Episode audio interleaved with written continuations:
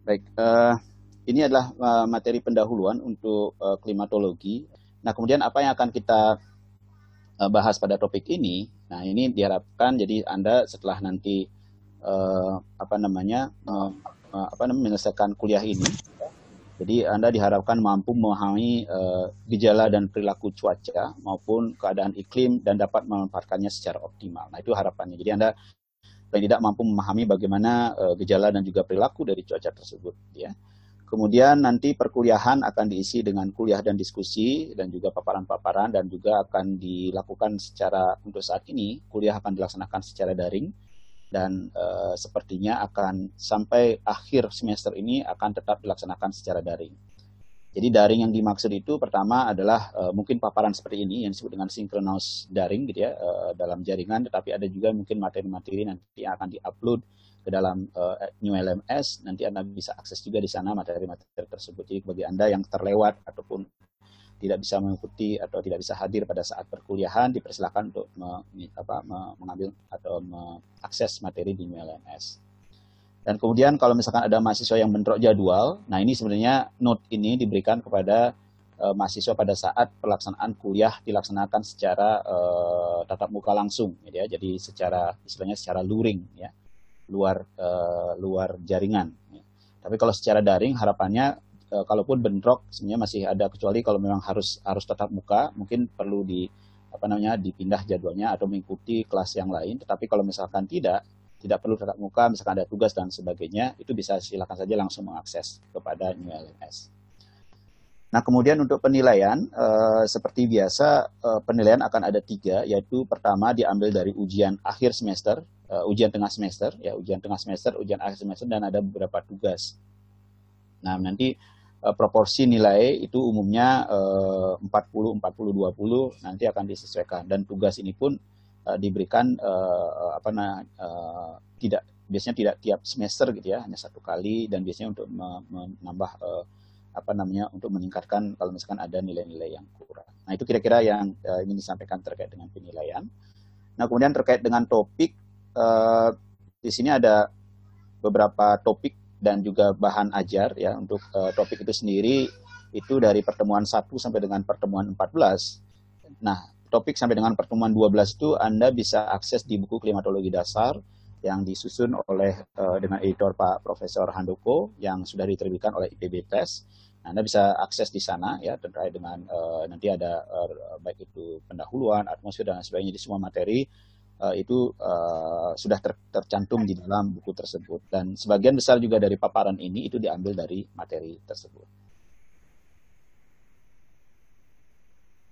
Nah, kemudian uh, capaian pembelajaran, jadi diharapkan uh, Anda bisa mengetahui bagaimana perkembangan ilmu iklim, gitu ya, climate, kemudian bagaimana faktor pengendali dan mekanisme iklim, definisi cuaca iklim, ya, bagaimana mem membedakan apa itu cuaca, apa itu iklim, dan bagaimana perbedaannya. Kemudian mampu juga nanti diharapkan Anda bisa menjelaskan mekanisme pembentukan cuaca dan iklim, kemudian pembagian ilmu iklim, gitu ya, kemudian isu-isu terkait dengan iklim, uh, perubahan iklim dan lain sebagainya, ya isu karbon dan sebagainya. Kemudian bagaimana memanfaatkan ilmu iklim pada uh, apa namanya bagi makhluk hidup. Nah, itu yang akan uh, coba di, di apa diharapkan dari uh, pertemuan ini.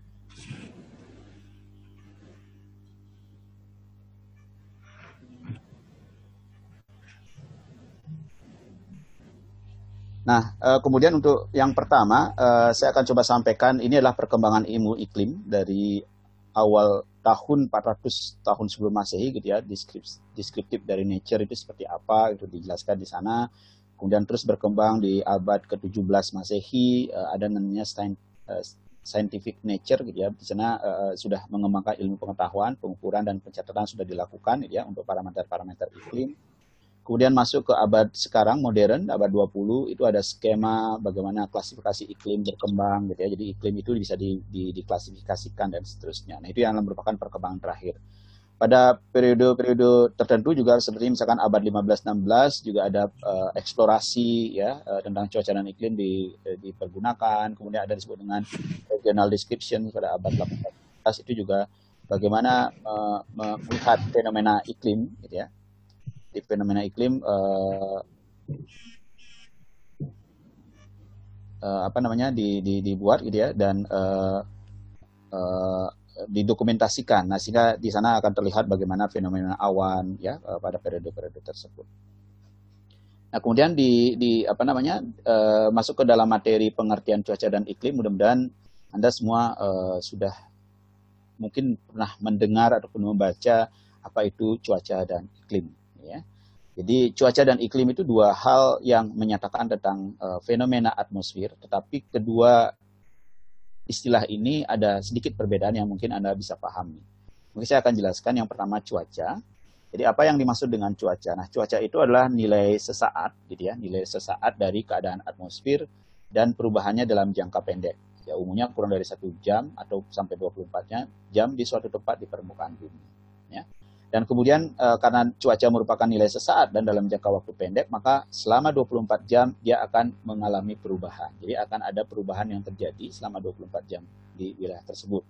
Nah, kemudian untuk mendapatkan nilai dalam satu hari, biasanya digunakan nilai rata-rata ya kemudian dari nilai rata-rata maka itulah digunakan sebagai nilai cuaca jadi cuaca itu adalah nilai sesaat ya nah ini adalah unsur-unsur cuaca dan iklim jadi eh, ada beberapa unsur-unsur cuaca yang eh, apa namanya yang menjadi bahasan dalam topik ini nanti akan diawali dengan penerimaan radiasi surya jadi eh, apa surya atau energi matahari dikatakan sebagai sumber energi utama yang mampu membentuk sistem cuaca iklim di bumi. Ya. Jadi di sana satuannya watt per meter persegi, kemudian nanti ada satuan lama nanti Anda bisa lihat itu kalori per centimeter per menit gitu ya. Kemudian radiasi surya juga ada unsur lain yang disebut dengan lama penyinaran. Berapa lama radiasi itu bersinar diterima di permukaan.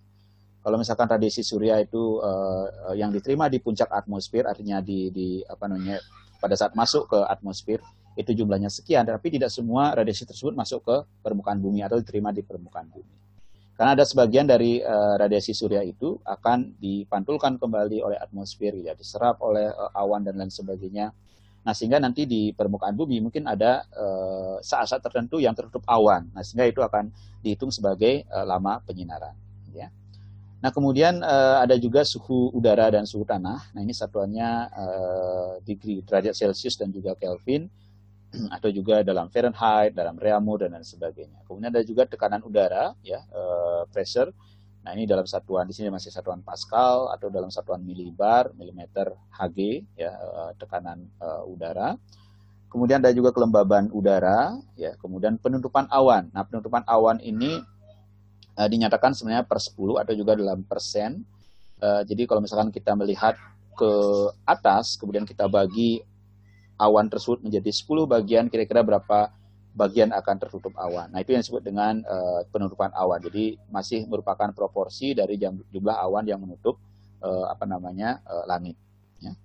Kemudian berikutnya curah hujan. Nah, ini yang menjadi pembahasan uh, umum atau utama di dalam cuaca dan iklim. Ya, curah hujan satuannya dalam milimeter. Nanti akan ditanyakan kenapa satuannya milimeter, kenapa tidak satuan volume dan lain sebagainya. Nah, kemudian Curah hujan itu merupakan bagaimana mekanisme air ditransfer dari atmosfer ke permukaan. Tetapi pada saat yang sama, ya di tempat yang berbeda akan terjadi juga proses di mana air itu ditransfer dari permukaan ke atmosfer. Nah ini prosesnya itu namanya penguapan. Ya, jadi ada proses namanya evaporasi dan evapotranspirasi. Nah, kemudian unsur lainnya itu adalah kecepatan angin, ya, kemudian baru uh, unsur berikutnya adalah arah angin. Nah, saya pikir unsur-unsur ini uh, secara umum sudah Anda pernah dengar, Anda pernah dapatkan waktu SMA gitu ya, ataupun juga mungkin dari informasi-informasi lainnya. Nah ini sebagai contoh eh, apa namanya cuaca di suatu wilayah gitu ya. Jadi ada penerimaan radiasi surya nilainya sekian, kemudian suhu udara nilainya sekian, kelembaban udara gitu ya. Kemudian kalau misalkan eh, arah angin dan sebagainya. Nah, yang perlu Anda perhatikan di sini mungkin tidak pada nilainya, tetapi apa yang terjadi pada dua jam antara jam 6 dan jam 8. Jadi kalau Anda perhatikan di sana, nilai antara jam 6 dan jam 8 itu berubah. Nah ini yang tadi dinyatakan di awal, bahwa cuaca itu menyatakan nilai sesaat. Jadi hanya nilai saat itu. Jadi artinya apa? Dalam satu hari pun, nilai-nilai unsur cuaca itu bisa jadi berbeda. Ya. Jadi jam 6 nilainya sekian, jam 8 nilainya sekian, mungkin jam 10, jam 11 dan seterusnya itu akan memiliki nilai yang berbeda. Nah, berbeda halnya nanti dengan iklim. Ya, nanti kita lihat apa bedanya dengan iklim. Jadi itu yang ingin disampaikan di sini bahwa cuaca itu merupakan uh, apa namanya tadi uh, unsur atau atau uh, apa uh, atmosfer gitu ya yang memiliki uh, sifat sesaat gitu ya. Jadi saat itu dan biasanya jangkauan wilayahnya juga akan kecil. Nah, kita akan masuk ke dalam iklim. Jadi apa yang disebut dengan iklim? Kalau tadi kita berbicara tentang cuaca, menyatakan bahwa uh, apa namanya nilai dari uh, unsur atmosfer pada nilai sesaat, gitu ya. Nah, kalau iklim itu merupakan sintesis, sintesis atau kesimpulan atau rata-rata dari nilai unsur dari cuaca, baik hari demi hari, gitu ya, atau bulan demi bulan, ataupun dalam jangka panjang di suatu tempat atau suatu wilayah yang dinyatakan dalam nilai statistik gitu ya. Bisa di, uh, dinyatakan dalam nilai sebaran gitu ya. Kemudian bisa dalam nilai rata-rata nilai maksimum nilai minimum atau juga frekuensi kejadian. Nah jadi kalau misalnya kita lihat perbedaannya antara cuaca dan iklim kalau cuaca menyatakan nilai sesaat dari unsur-unsur atmosfer tadi nah sedangkan iklim adalah sintesis atau kesimpulan dari nilai-nilai tadi.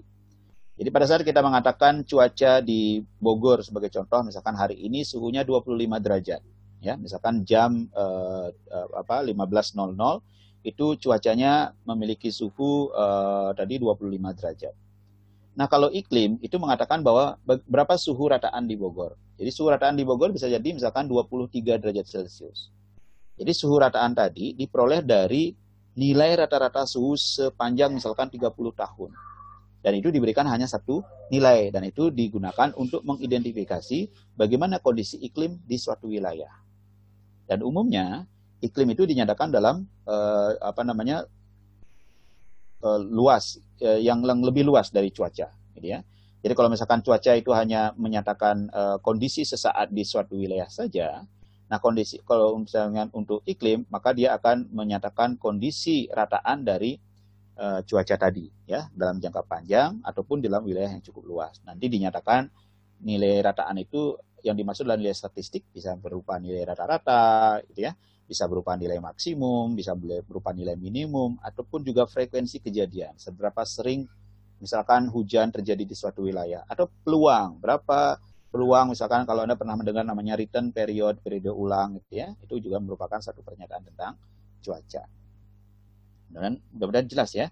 Nanti kalau misalkan tidak jelas di akhir ini kita akan bisa uh, apa ada diskusi atau tanya jawab gitu ya Nah ini kira-kira uh, apa namanya data data cuaca di suatu wilayah dan kemudian dibuat nilai rataan ya uh, kemudian uh, di sana ada nilai akumulasi juga dan ini menyatakan kondisi iklim suatu wilayah. Yang diambil dari data selama 30 tahun. Di sana dinyatakan di sini ya uh, apa namanya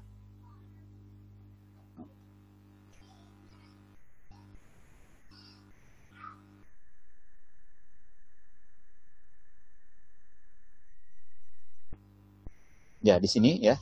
Jadi di di, di bagian atas, bentar.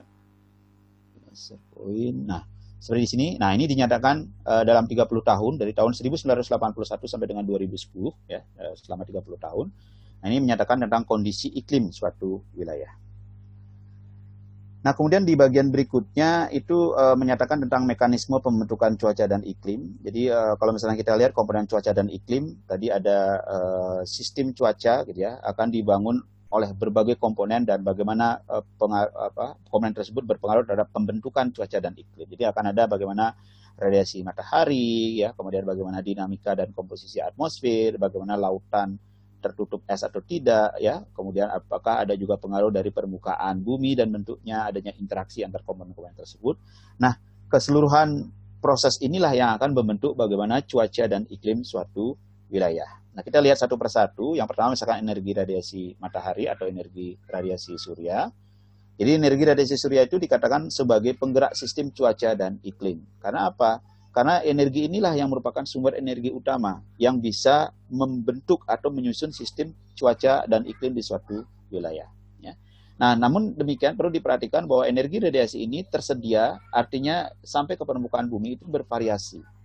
Ya. Jadi uh, dia tidak selalu sama sepanjang waktu, gitu ya. Uh, karena apa? Karena akan dipengaruhi oleh beberapa beberapa apa namanya uh, faktor, ya. Salah satunya bisa dipengaruhi oleh posisi ya, posisi matahari ya, kemudian oleh pergerakan bumi terhadap matahari dan lain sebagainya. Jadi ada tiga hal, misalkan ada eccentricity ya, bagaimana uh, uh, apa variasi ini yang akan merubah namanya sudut uh, apa namanya sudut atau garis uh, bumi, gitu ya. Jadi kalau misalkan uh, nah sebagai contoh itu kan bumi seperti ini ya, kemudian dia uh, eh ini tidak bisa menggambar bagus ya. Nah, misalnya garisnya seperti ini. Ini kan merupakan sumbu bumi yang 23,5 derajat miring terhadap garis tegak. Ya. Nah, namun e, oleh Milan Kovic, Milan Kovic itu ditemukan bahwa sumbu bumi ini sebenarnya berubah gitu ya. Jadi, jadi ada suatu saat sumbu bumi itu tegak lurus. Tegak lurus gitu ya. Jadi artinya e, bentuknya itu tegak lurus seperti ini. Kalau sekarang kan miring 23,5 derajat. Ya, kalau nanti pada saat tegak lurus, nah itu akan berbeda sistem iklim di bumi. Ya, jadi ada perubahan yang terjadi. Nah ini disebut dengan Milankovic cycle. Jadi ada pergeseran dari sumbu bumi sehingga menyebabkan kondisi iklim di bumi itu akan berbeda. Nanti juga ada aksis dari rotasi bumi. Nah itu juga akan uh, apa atau presisinya ya bagaimana rotasi dari bumi itu akan berubah atau mempengaruhi bagaimana kondisi iklim di bumi. Nah sebagai contoh misalkan ini adalah uh, apa namanya uh, posisi bumi dan matahari gitu ya. Nah ini yang tadi saya katakan ini yang merupakan garis uh, apa namanya uh, sumbu bumi yang miring 21 uh, eh, sebenarnya sumbu bumi itu 23 setengah derajat untuk saat ini ya miring terhadap garis tegak. Nah ini akan bisa bergeser ya bergeser dari 21 24 setengah dan terus sehingga uh, apa namanya uh, apa kondisi dari dari uh, cuaca dan iklim di bumi itu akan akan berubah ya tergantung dari posisi ini. Dan ini sekian juta tahun itu akan mengalami perubahan. Jadi tidak tidak perlu dikhawatirkan. Nah, kemudian ini juga sama sekarang kondisinya seperti ini. Jadi sekarang pergeseran atau pergerakan bumi, apa, apa bumi mengelilingi matahari itu bentuknya elips, gitu ya. Nanti uh, mungkin pada saat lingkaran dan sebagainya itu akan juga berpengaruh. Nah, seperti ini juga sama. Jadi pada saat dia mengalami rotasi seperti ini, ya juga akan mempengaruhi bagaimana uh, kondisi cuaca di permukaan bumi. Nah, bagaimana uh, matahari dengan bumi? Jadi secara global akan terjadi penerimaan radiasi matahari di permukaan bumi. Karena apa? Karena sumbu bumi seperti tadi dikatakan miring seperti ini. Ya, jadi ada kondisi-kondisi di mana akan ada wilayah yang memiliki surplus. Jadi wilayah-wilayah surplus itu adalah wilayah yang dekat dengan ekuator atau berada di daerah sekitar sini. Ya, jadi antara 30 eh, derajat lintang utara dan 30 derajat lintang eh, selatan, maka dia akan mengalami surplus energi. Karena apa? Sepanjang tahun dia akan menerima energi yang cukup tinggi. Hal berbeda akan terjadi dengan daerah-daerah yang berada dari wilayah subtropis ke daerah kutub, ya, ataupun subtropis selatan ya ke wilayah kutub. Nah, ini akan mengalami atau uh, defisit, ya. Ini terjadi pada wilayah-wilayah dengan lintang yang lebih dari 30 derajat, ya. Nah, apa yang terjadi dengan kedua proses ini? Adanya surplus di suatu wilayah dan adanya defisit di suatu wilayah. Itu harus dilakukan proses yang namanya transfer. Ya, jadi ada ada proses transfer yang terjadi di antara uh, kedua Tolonglah. Ya, dari daerah kedua kedua apa namanya? kedua uh, kondisi tersebut. Jadi pada saat ada wilayah-wilayah yang mengalami surplus dan ada wilayah-wilayah yang mengalami defisit, maka akan ada transfer energi dari wilayah surplus ke wilayah defisit. Nah, inilah mekanisme transfer nanti akan kita bahas ya, bagaimana mekanisme transfer itu terjadi. Nah, kalau misalnya kita lihat di permukaan, jadi yang di permukaan itu ada yang disebut dengan radiasi uh, outgoing, jadi ada yang uh, radiasi yang dipancarkan, kemudian di sini ada incoming solar radiation. Jadi kalau Anda perhatikan, dari 0 sampai dengan 80 derajat lintang utara, ini dicontohkan di lintang utara, ya, dengan garis lintang yang semakin tinggi, maka jumlah energi yang diterima itu lebih tinggi daripada jumlah energi yang dipancarkan. Nah, sehingga di sini akan ada namanya surplus, ya kelebihan energi karena jumlah energi yang diterima lebih tinggi dari yang dipancarkan, sedangkan ini mengalami defisit. Artinya apa? Ada perlu transfer energi dari daerah yang surplus menjadi daerah defisit. Nah, ini disebut dengan nanti ada sirkulasi global. Ya, bagaimana eh, apa namanya masa udara yang ada di sekitar ekuator itu terbawa ke subtropis ya ke bawah eh, eh, terbawa ke daerah kutub Fungsinya apa? Pertama adalah untuk membuat apa namanya sistem keseimbangan energi di permukaan bumi. Nah, itu mekanismenya nanti akan akan kita lihat bagaimana transfer itu. Nanti akan dibahas di dalam uh, apa namanya sirkulasi udara gitu ya, dalam angin akan dibahas itu bagaimana sirkulasi itu terjadi ya. Nah, tapi ini gambarannya bahwa radiasi matahari tidak merata di permukaan bumi. Nanti ada mekanisme bagaimana bumi itu bisa menggunakan atau memanage ya radiasi matahari tersebut sehingga nanti bisa tertransfer atau tersebar secara merata di permukaan bumi. Nah, selain dari permukaan uh, atmosfer, bagaimana mekanisme transfer, ada juga mekanisme transfer antar lintang bujur melalui uh, permukaan laut. Ya, jadi ada uh, kalau di sini tadi dikatakan ada transfer melalui atmosfer, gitu ya. Ada pengangkatan massa udara di daerah ekuator karena umumnya daerah ekuator itu memiliki tekanan apa namanya tekanan rendah gitu ya. Tekanan rendah itu karena ada penerimaan radiasi matahari yang cukup tinggi sehingga ada perpindahan massa udara di permukaan dari lintang tinggi ke lintang rendah. Nah, kemudian di sini akan terjadi penumpukan, maka dia akan karena menumpuk gitu ya, maka dia akan ditransfer ke atas. Jadi gitu ya. ini kan ke atas ya, ke atas kemudian nanti akan terjadi uh, kekosongan di sini diisi, kemudian di sini akan sehingga dia akan membentuk siklus seperti ini. Di sini juga sama ya, di sini akan pengangkatan dan seterusnya. Nah, inilah siklus sirkulasi global. Nah, selain melalui atmosfer, ada juga melalui laut. Ya, melalui laut itu juga energi transfer. Nah, ini yang disebut dengan termohalin. Ya, jadi ada mekanisme transfer seperti ini. Jadi ada arus laut yang terus mengalir sepanjang waktu. Makanya tidak tidak heran kalau misalkan di wilayah-wilayah tertentu yang tidak pernah konsumsi Indomie itu bisa ditemukan bungkus Indomie ya karena dia melewati Indonesia ya di mana konsumsi misalkan mie instan tersebut cukup tinggi Nah, kemudian dia terbawa ya sampai di sini, kemudian dia akan terdampar di sini dan sebagainya. Kemudian bisa jadi terdampar di kutub dan sebagainya. Maka di kutub orang bawa Indomie agak unik juga gitu ya, tapi ditemukan di sana. Nah, hal seperti itu akan dimungkinkan karena ada transfer seperti ini, ya. Nah, ini juga kalau misalnya Anda pernah menonton film apa namanya? Finding Nemo ya. Finding Nemo kalau nggak salah itu kan ada Nemo-nya yang di finding, ya dicari gitu ya. Nah, itu kan dia masuk ke dalam suatu arus laut dan terbawa gitu ya. Nah, itulah itulah salah satu uh, arus laut yang mungkin uh, apa uh, bisa dikategorikan sebagai termohalim karena dia akan terbawa terus menerus. Ya. Baik, kemudian di atmosfer, nah kita akan lihat bagaimana mekanisme di atmosfer. Jadi kalau kita lihat tadi bahwa ada energi matahari merupakan sumber energi utama, uh, sebarannya tidak merata di permukaan bumi, kemudian ada mekanisme pemindahan massa udara dan sebagainya. Nah ini terkait dengan atmosfer, uh, saya coba percepat ya, ya agar uh, uh, Anda juga bisa mendapatkan berita insight sebagaimana uh, atmosfer atau di pendahuluan ini bagaimana iklim cuaca itu terjadi gitu ya. Nanti materi uh, apa materi-materi lainnya terkait PPT ini bahan ini saya pikir sudah di, di upload di LMS, jadi Anda bisa uh, lihat di sana. Nah, atmosfer berperan penting dalam mengatur iklim bumi sebagai faktor penyangga sehingga mencegah terjadinya perubahan ekstrim ya dari dari daratan lautan. Jadi atmosfer ini berfungsi sebagai penyangga. Kalau misalnya kita perhatikan dari Merkurius, Venus, Bumi, Mars itu tidak tidak semua planet memiliki atmosfer yang cukup tebal. Nah itulah sebabnya maka di, di ketiga planet misalkan Merkurius, Venus dan Mars itu yang dekat dengan Bumi itu uh, mungkin tidak tidak ada apa namanya kehidupan seperti halnya di Bumi. Karena apa? Karena di ketiga uh, lokasi tersebut suhunya itu sangat-sangat rendah di malam hari pada saat uh, tidak menerima radiasi dan sangat tinggi pada siang hari. Ya sehingga itu uh, apa namanya tidak bisa nyaman untuk makhluk hidup uh, bisa bisa tumbuh atau bisa berkembang di sana. Ya. Nah sehingga itulah peran atmosfer dia menjadi buffer, menjadi mampu menyangga seperti selimut gitu ya, selimut. Bagaimana uh, bumi itu diselimuti sehingga pada malam hari tidak terlalu dingin, pada malam siang hari juga tidak terlalu panas.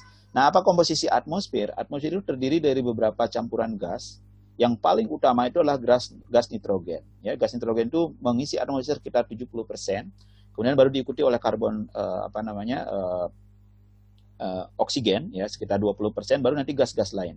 Ya, termasuk di sana gas rumah kaca, CO2, NO2 dan metan. Ya, nanti gas rumah kaca akan ada pembahasan tersendiri di bagian perubahan iklim di akhir uh, pembahasan klimatologi di mana gas rumah kaca itu dia akan menyerap sebagian radiasi panjang dan memancarkan kembali ke permukaan bumi sehingga membuat efek yang disebut dengan efek rumah kaca atau uh, global warming dulunya kemudian nanti akan ada efek yang disebut dengan efek rumah kaca.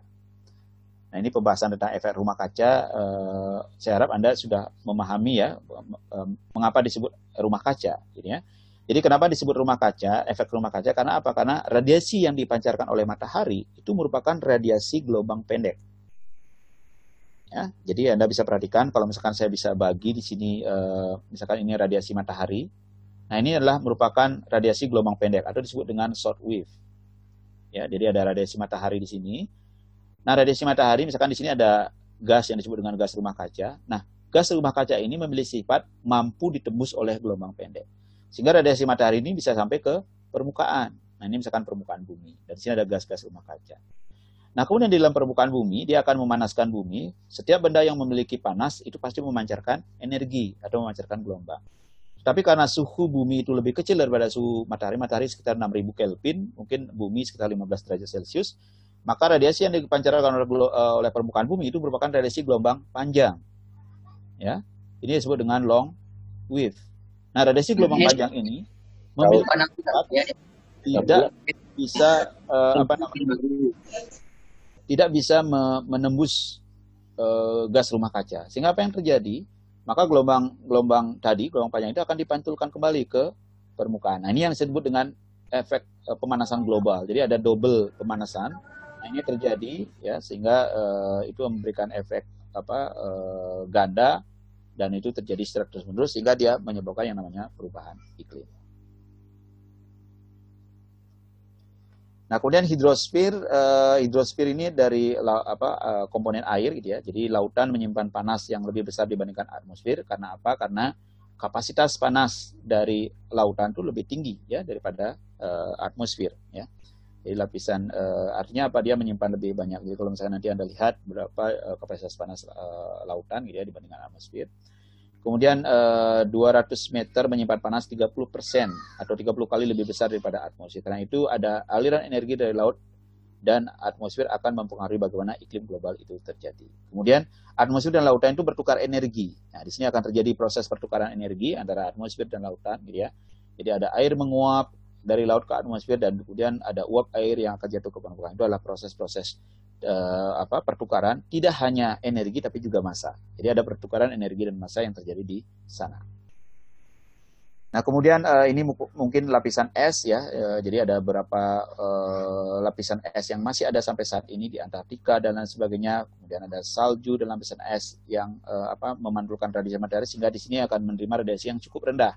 Kenapa? Radiasi yang diterima di sini itu tidak diserap oleh permukaan, tapi karena warnanya yang putih dan sebagainya, dia akan di pantulkan kembali. Nah, dipantulkan kembali ini dia radiasinya gelombang pendek, jadi akan langsung lepas ke atmosfer. Ya. Nah, kemudian daratan. Daratan itu menutupi sekitar 27% dari permukaan bumi. Kemudian ada topografi daratan juga akan mempengaruhi iklim. Jadi Anda perhatikan bahwa permukaan-permukaan datar dan permukaan pegunungan itu akan memiliki tipe iklim yang berbeda. Ya. Di daerah dataran, misalkan savana, ya, dia akan memiliki iklim yang berbeda dibandingkan dengan daerah pegunungan seperti di misalkan di, di uh, Indonesia, gitu ya, eh, daerah-daerah bervegetasi dan lain sebagainya itu akan memiliki kondisi iklim yang berbeda. Nah, kemudian cuaca dan iklim wilayah pegunungan, nah di sini dikatakan akan berbeda pada topografi yang rata. Kemudian ada juga uh, adanya perbedaan panas jenis atau kapasitas panas ya antara saat padat kemudian ada uh, cair di lautan dan gas, itu akan mempengaruhi bagaimana karakteristik pemanasan uh, dan pendinginan itu terjadi.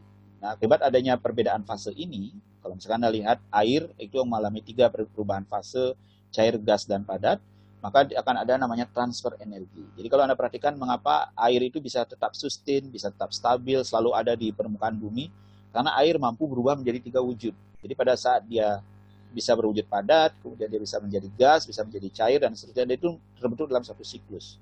Artinya apa? Air itu melalui proses yang disebut dengan siklus hidrologi adalah untuk menjaga bagaimana uh, apa existing atau kondisinya itu masih tetap di uh, bumi, gitu ya. Jadi dia terus terjaga, artinya terus air itu tersedia. Walaupun kalau nanti anda cari di literatur, jumlah air yang bisa dikonsumsi dari seluruh air yang tersedia itu hanya 1,2 persen. Jadi cukup kecil sebenarnya.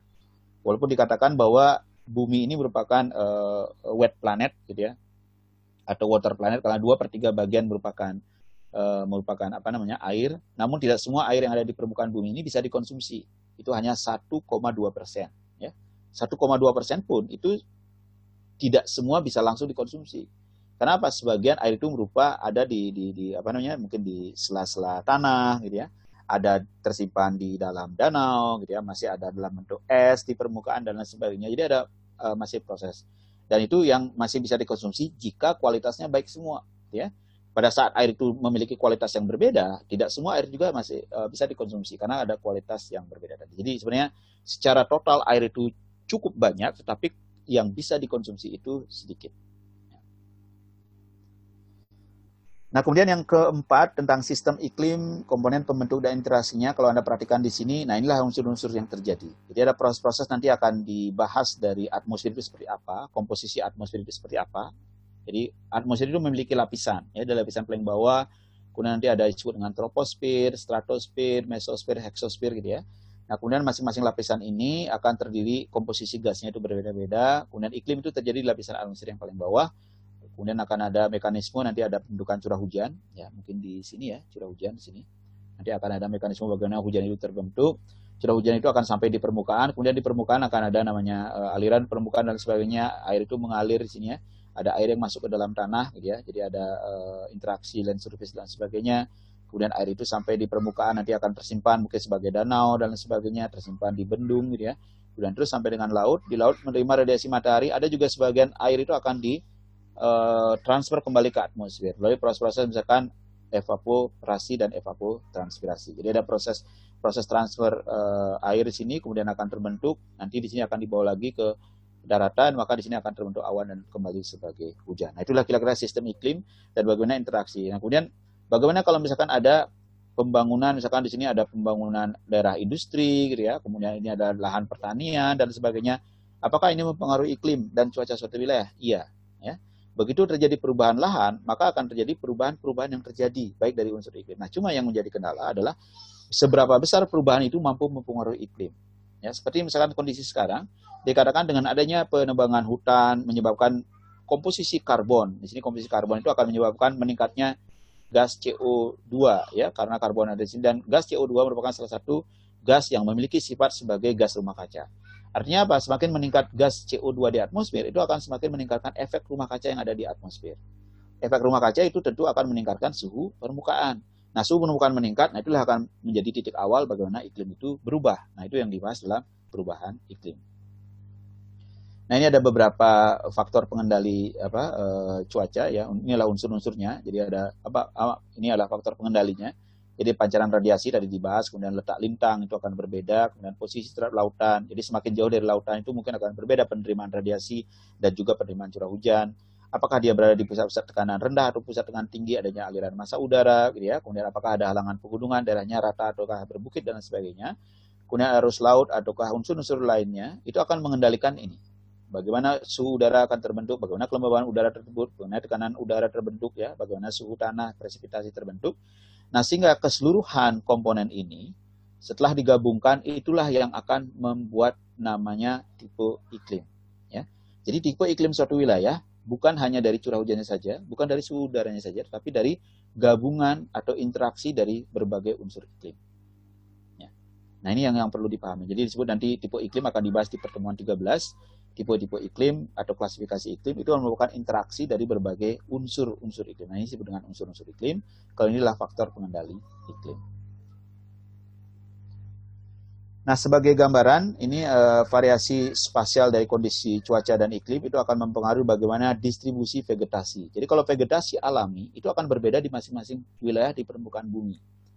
Ya kalau Anda berjalan dari suatu wilayah misalkan di dataran rendah sampai dataran tinggi, Anda akan bisa menemui wilayah-wilayah yang berbeda ada wilayah yang dapat ditumbuhi oleh hutan gitu ya hutan kemudian anda berjalan. Oke di sini ada hutan tapi sudah mulai homogen gitu ya misalkan hutan e, cemara dan lain sebagainya atau e, hutan, hutan apa hutan homogen lainnya. Kemudian di sini sudah menjadi semak belukar ya padang rumput kemudian ke atas sudah mulai tidak ada vegetasi sudah mulai tertutup salju dan sebagainya. Nah itu mengapa hal itu terjadi? Karena dia menyesuaikan diri dengan kondisi iklim setempat ya ada di beberapa wilayah juga, kenapa di wilayah tertentu ada gurun, kenapa wilayah tertentu ada hutan, ya hutan Amazon, hutan uh, tropis dan sebagainya. Itu karena wilayah tersebut sangat atau sangat dipengaruhi oleh kondisi iklim setempat. Jadi kondisi iklim itu menentukan potensi distribusi alami vegetasi di permukaan bumi yang hal ini dapat digunakan sebagai dasar dalam mengklasifikasikan iklim. Jadi perlu saya sampaikan potensi distribusi alami. Oh enggak, sekarang ada beberapa orang menanam di greenhouse, tanaman-tanaman yang ada di dataran subtropis itu dibawa di dataran tropis. Apakah itu bisa? Bisa. Nah, itu namanya modifikasi, gitu ya. Jadi eh, kondisi cuaca yang terjadi sebagai tempat tubuh dari vegetasi tersebut itu dibuat atau dimodifikasi. Nah, itu biasanya di, di, dilakukan di bawah greenhouse atau rumah kaca. Ya, itu dimodifikasi sehingga apa yang terjadi? Sehingga tanaman tadi yang harusnya secara alami dia tumbuh di subtropis dengan suhu rendah gitu ya. Radiasi yang diterima juga rendah, itu di bawah daerah tropis dan bisa dibudidayakan. Nah, itu namanya uh, modifikasi ya. Nah, kemudian bentuk rumah. Nah, misalkan Anda perhatikan bentuk rumah di daerah tropis dengan bentuk rumah di subtropis itu kan berbeda. Apa tadi ngomong? Kalau apa kalau untuk Ya, kalau Anda perhatikan misalkan di, di, di Bogor gitu ya, itu kan bentuk rumahnya berbeda ya kalau dibandingkan dengan daerah lain. Di Bogor itu umumnya rumahnya memiliki atap yang tingkat kemiringannya tinggi. Ya, sangat-sangat miring.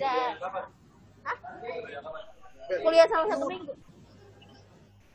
Ya, jadi uh, apa uh, bentuk rumahnya akan berbeda. Nah, kenapa miring? Karena karena Bogor itu uh, memiliki apa tingkat curah hujan yang cukup tinggi. Nah, sehingga itulah sebagai salah satu bentuk adaptasi ya sehingga bentuk rumahnya juga akan e, berbeda dibandingkan dengan daerah-daerah lain. Nah, kemudian ini sebaran suhu. Jadi kalau Anda lihat sebaran suhu seperti ini, Anda perhatikan yang warna merah ini adalah merupakan suhu tinggi, kemudian yang warna biru mungkin adalah suhu rendah. Jadi kalau Anda perhatikan di daerah tropis, ya daerah sini memiliki suhu yang cukup tinggi ya dibandingkan dengan daerah subtropis ataupun daerah kutub ya. Jadi sebaran suhu udara juga akan dipengaruhi oleh bagaimana kondisi iklim setempat. Gitu ya. Kemudian ada juga wabah penyakit. Nah ini eh, kondisi-kondisi ini juga akan mempengaruhi ya bagaimana uh, artinya kondisi iklim akan mempengaruhi bagaimana ledakan wabah penyakit bisa terjadi di suatu tempat secara alami. Gitu ya. Nah mungkin hal-hal seperti misalkan uh, apa demam berdarah, malaria, gitu ya. Nah, ini sangat dipengaruhi oleh uh, kondisi iklim. Nah untuk kondisi sekarang misalkan dengan pandemi uh, COVID-19 itu sudah ada beberapa penelitian bahwa iklim mempengaruhi tapi yang lebih berpengaruh itulah interaksi antar manusia ya jadi lingkungan uh, sosial dan sebagainya jadi bukan iklim iklim mungkin kalau dia di lingkungan mungkin dia bisa dipengaruhi tapi itu kecil pengaruhnya yang lebih berpengaruh adalah bagaimana persebaran sehingga bisa menjadi pandemi sekarang adalah adanya interaksi antar manusia ya itu yang yang dibandingkan dengan kondisi itu Nah, termasuk juga lingkaran tahun. Jadi lingkar tahun yang ada di dalam pohon, misalkan eh, pohon ini ya kita lihat kita potong gitu ya, maka kita akan lihat lingkaran tahun. Kenapa hal ini terjadi? Karena pada saat setiap tahun itu ada kondisi di mana kondisi itu basah ataupun kering. Nah, pada saat kondisi basah dan kering itu akan mem membentuk kambium yang berbeda. Ya, kondisi dari kemudian terus tanaman apa uh, kayu itu tumbuh. Nah, sehingga ini merupakan uh, apa membentuk namanya lingkaran tahun. Nah, di sini bisa lihat misalkan ini oke, okay, ini adalah tahun-tahun basah gitu ya, dia tebal seperti ini, kemudian dia kecil-kecil seperti ini tahun-tahun kering. Nah, sehingga ini sebenarnya bisa digunakan untuk mengidentifikasi bagaimana kondisi iklim pada saat itu. Ya. Jadi kalau misalkan ada pohon yang umurnya sudah ratusan tahun lebih, gitu ya, kemudian itu uh, kita bisa lihat bagaimana uh, di bor biasanya kita lihat bagaimana lingkaran tahunnya itu bisa digunakan untuk mengidentifikasi bagaimana kondisi iklim di masa lampau, gitu ya. Atau dengan mempelajari juga es, gitu ya. Es itu kan masih setiap tahun, setiap kondisi itu akan terus ditumpuk dengan es-es yang baru, gitu ya. Nah, sehingga kondisi-kondisi itu kalau kita lihat kandungan mungkin kandungan apa namanya uh, komposisi gasnya dan lain sebagainya atau komposisi kandungan non tertentu di dalam es tiap lapisan itu bisa digunakan untuk mengidentifikasi kira-kira bagaimana komposisi atmosfer saat itu.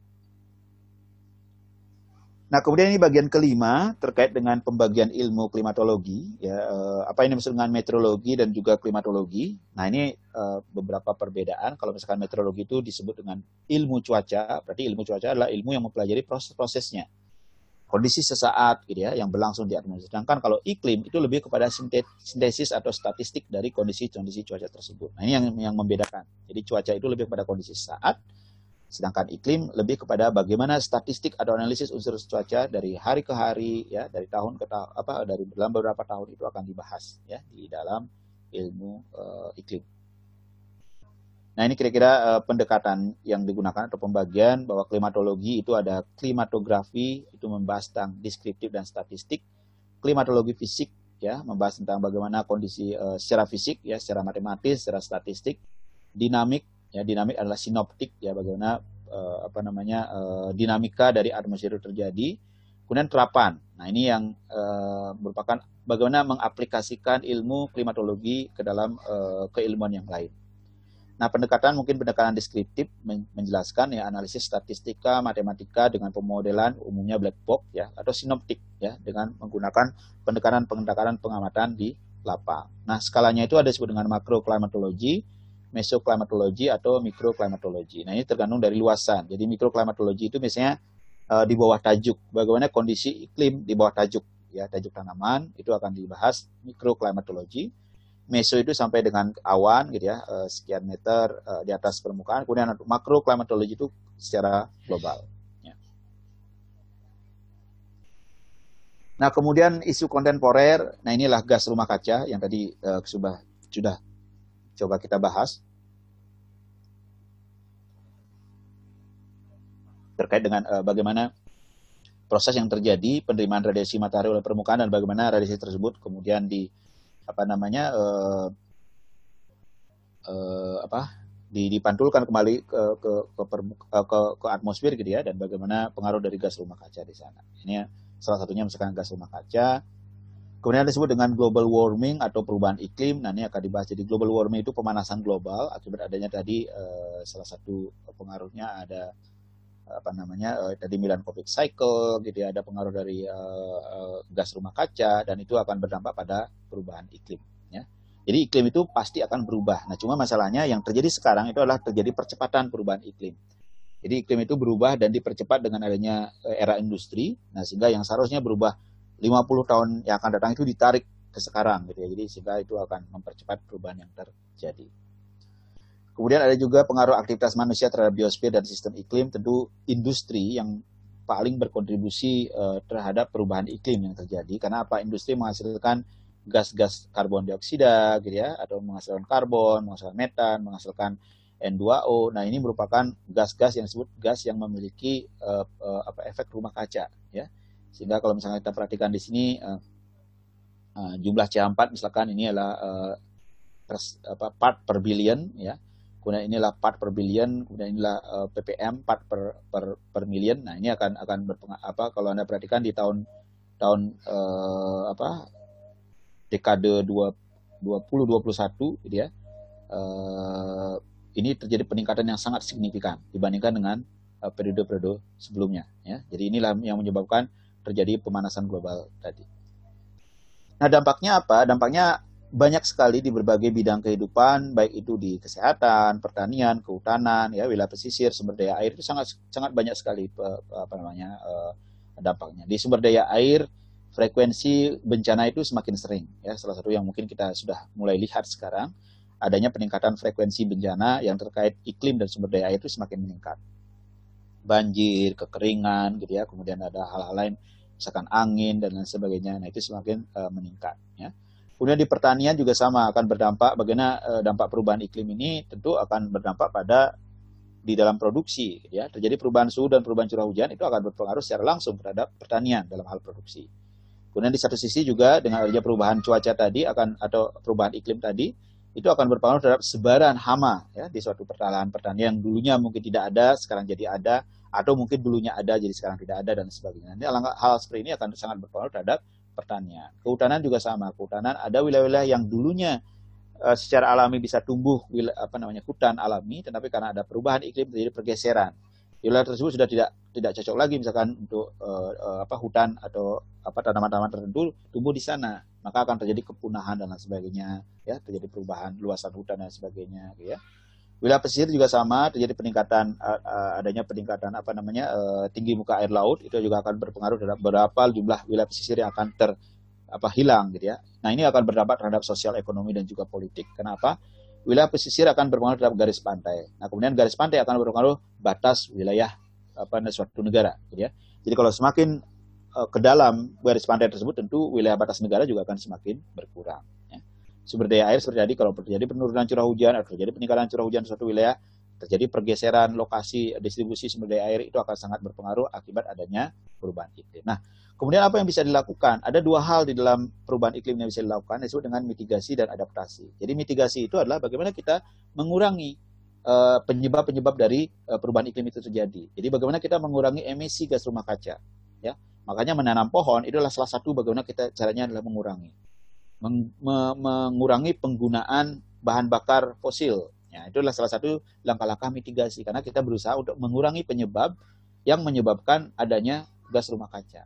Nah, itu adalah langkah-langkah yang disebut dengan mitigasi. Jadi mengurangi penyebab atau mengurangi emisi. Nah, kemudian yang kedua yang bisa dilakukan adalah dengan cara adaptasi. Adaptasi adalah menyesuaikan diri. Nah, kalau kita tidak bisa mengurangi, ya kita biarkan saja seperti itu karena memang itu adalah proses alami. Yang bisa kita lakukan adalah beradaptasi. Ya, sebagai contoh misalkan wilayah tertentu yang dulunya tidak sering banjir, sekarang menjadi lebih sering banjir, maka apa yang dilakukan? Langkah adaptasi, oke, membuat rumah yang membuat rumah panggung, gitu ya. Atau misalkan membuat namanya uh, apa namanya seawall, apa uh, tembok, gitu ya, untuk mengurangi dampak dari adanya uh, peningkatan air uh, muka laut yang masuk pada saat banjir rob dan lain sebagainya, gitu ya. Atau membuat rumah yang mungkin lebih tahan terhadap perubahan suhu dan lain sebagainya. Itu adalah merupakan langkah-langkah adaptasi. Atau melakukan penanaman, misalkan di dalam pertanian, oke sekarang karena terjadi pergeseran suhu, pergeseran curah hujan, maka perlu ditan digeser pola tanamnya. Nah, itu juga merupakan langkah-langkah adaptasi.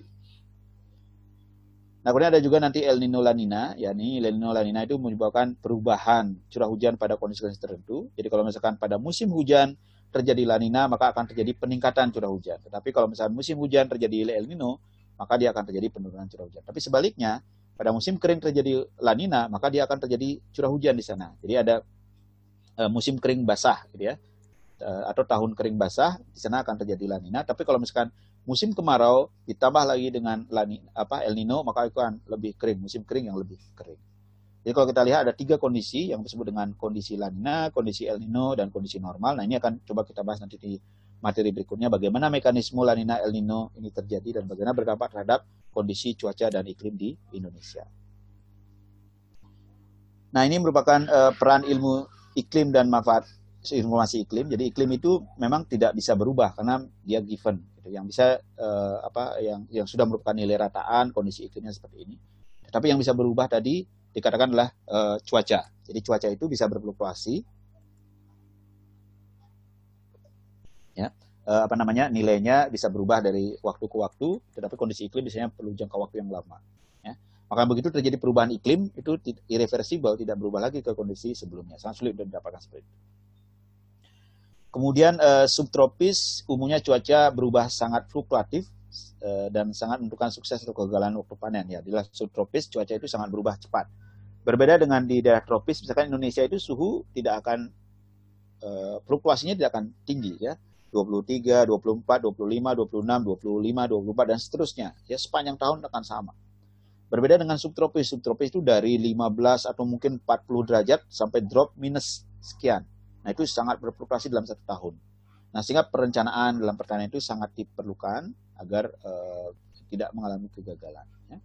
Kemudian juga kapasitas produksi pertanian sangat dipengaruhi oleh iklim, ya, uh, dan juga uh, lokasi tumbuh tanaman itu sangat dipengaruhi oleh iklim mungkin banyak yang bertanya mengapa tanaman tanaman-tanaman tertentu hanya tumbuh di lokasi tertentu. Kenapa dulu tebu ditanam di Jawa Timur, sedangkan teh ditanam di di Jawa Barat?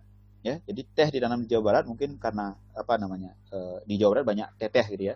Oh, tapi bukan itu. Teh ditanam di Jawa Barat itu karena apa? Karena memang lokasinya cocok di daerah ketinggian dengan radiasi yang cukup dan sebagainya sehingga teh dapat tumbuh dengan subur. Ya, di Jawa Timur itu banyak tebu karena apa? Karena di sana radiasinya tinggi, kemudian curah hujannya uh, cukup rendah dan itu diperlukan pada saat pengisian kadar gula di tebu tersebut. Nah, itu hal seperti itu akan sangat berpengaruh terhadap kondisi iklim. Jadi wilayah-wilayah tertentu yang bisa ditanami dengan baik uh, dan menghasilkan baik itu dipengaruhi oleh iklim. Apakah tebu bisa ditanam di Jawa Barat? Bisa, tapi hasilnya tidak akan semaksimal seperti yang ditanam di Jawa Timur. Kemudian manfaat informasi iklim dan cuaca juga meningkatkan kewaspadaan. Nah, ini disebut dengan early warning. Jadi ketika kita mengetahui dampak-dampak negatif dari cuaca dan iklim ekstrim, maka kita bisa melakukan antisipasi sebelumnya. Ya, kemudian melakukan adaptasi, ya sehingga kita bisa menyelenggarakan bagaimana kegiatan-kegiatan kita bisa lakukan itu menyesuaikan dengan kondisi iklim setempat. Gitu ya, uh, Anda tidak mungkin berjualan es misalkan di musim dingin, gitu ya. Jadi nah itu hal seperti itu atau mungkin uh, pakaian hangat ya di musim panas dan sebagainya. Jadi menyesuaikan diri dan berusaha menyelenggarakan kegiatan atau usaha yang serasi dengan kondisi iklim atau cuaca di suatu wilayah. Kemudian juga bidang teknis ya dan menerapkan bagaimana teknologi pemaparan. Jadi bagaimana kita memaparkan seperti sekarang di bidang pertanian, sistem irigasi yang perlu dikembangkan seperti apa dengan menyelesaikan iklim yang kondisi saat ini gitu ya. Kemudian bagaimana sistem pertanaman juga dilakukan. Gitu. Nah, itu merupakan salah satu manfaat dari informasi iklim. Jadi itu kira-kira yang bisa disampaikan dalam waktu hampir satu jam, gitu ya, cukup lama e, disampaikan. Mudah-mudahan bisa dipahami dan e, paling tidak pendahuluan ini memberikan gambaran apa yang akan dibahas selama satu semester ini ya terkait dengan iklim unsur-unsur iklim terutama dan bagaimana nanti pengaruhnya terhadap aktivitas manusia bagaimana proses adaptasi dan sebagainya jadi anda diberikan gambaran bagaimana unsur-unsur iklim itu, bagaimana mengidentifikasi, bagaimana mengetahui, bagaimana nanti mengkalkulasi ataupun juga mengukur. Nanti karena ada di dalam pembahasan sekarang curah hujan itu diberikan informasi bagaimana mengukur curah hujan, bagaimana menghitung berapa curah hujan wilayah dan lain sebagainya. Ya, jadi hal, hal itu akan diberikan, tetapi perlu juga dipahami bahwa kuliah ini bukan merupakan satu-satunya sumber Anda untuk belajar klimatologi. Jadi ya, silakan saja Anda eksplor dari berbagai sumber yang lain, tapi uh, silakan nanti didiskusikan di sini dan kami uh, dosen itu umumnya sebagai fasilitator. Kami coba mengarahkan agar ses, uh, apa tujuan dari perkuliahan ini bisa dicapai. Baik, itu yang bisa disampaikan. Sekali lagi saya ucapkan terima kasih untuk kehadiran, sudah menyempatkan waktu ya untuk hadir pada kuliah hari ini. Kami uh, apa nanti informasikan juga yang lain yang tidak bisa hadir untuk hari ini. Dan saya akhiri terima kasih sampai ketemu minggu depan. Selamat sore